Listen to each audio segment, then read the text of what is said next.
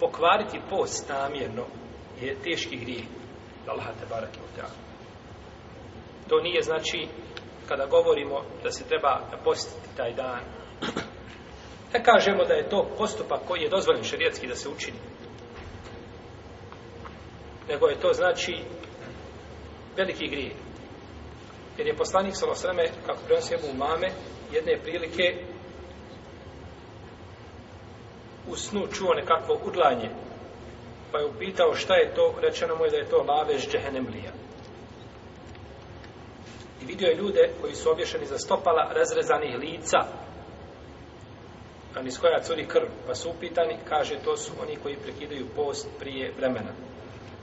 Znači, prekidaju post, on posti cijeli dan, jel u redu? Samo prekida post prije vremena.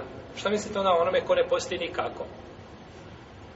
Šta mislite onome ko konzumira alkohol i svinjetinu u Ramazanu? To su sve stepeni griha. Kao ljudi koji će biti kažnjavani što ne klanjuju namaz u njegovom vaktu. فَحَلَفَ مِنْ بَعْدِهِمْ خَلْفٌ أَضَاهُ السَّلَاةَ وَتَبَهُ الشَّهَوَاتِ فَسَوْفَ يَلْقَوْنَ غَيَّ فَسَوْفَ يَلْقَوْنَ غَيَّ I poslije njih, te jeli, dobre robove potomke, naslijediše zli koji su zanemarili namaz. Islamski učenjaci kada tepsire šta znači Allahu sala izgubili namaz, zanemarili ga, kažu uklanjuju ga mimo vakta. Pa će biti bačeni u gaji, a gaj je dolina u džahennem. Znači oni klanjaju, oni su klanjači, samo ne u vaktu. Pa kako onda kazna onome ko ne klanja? Znači, nikako.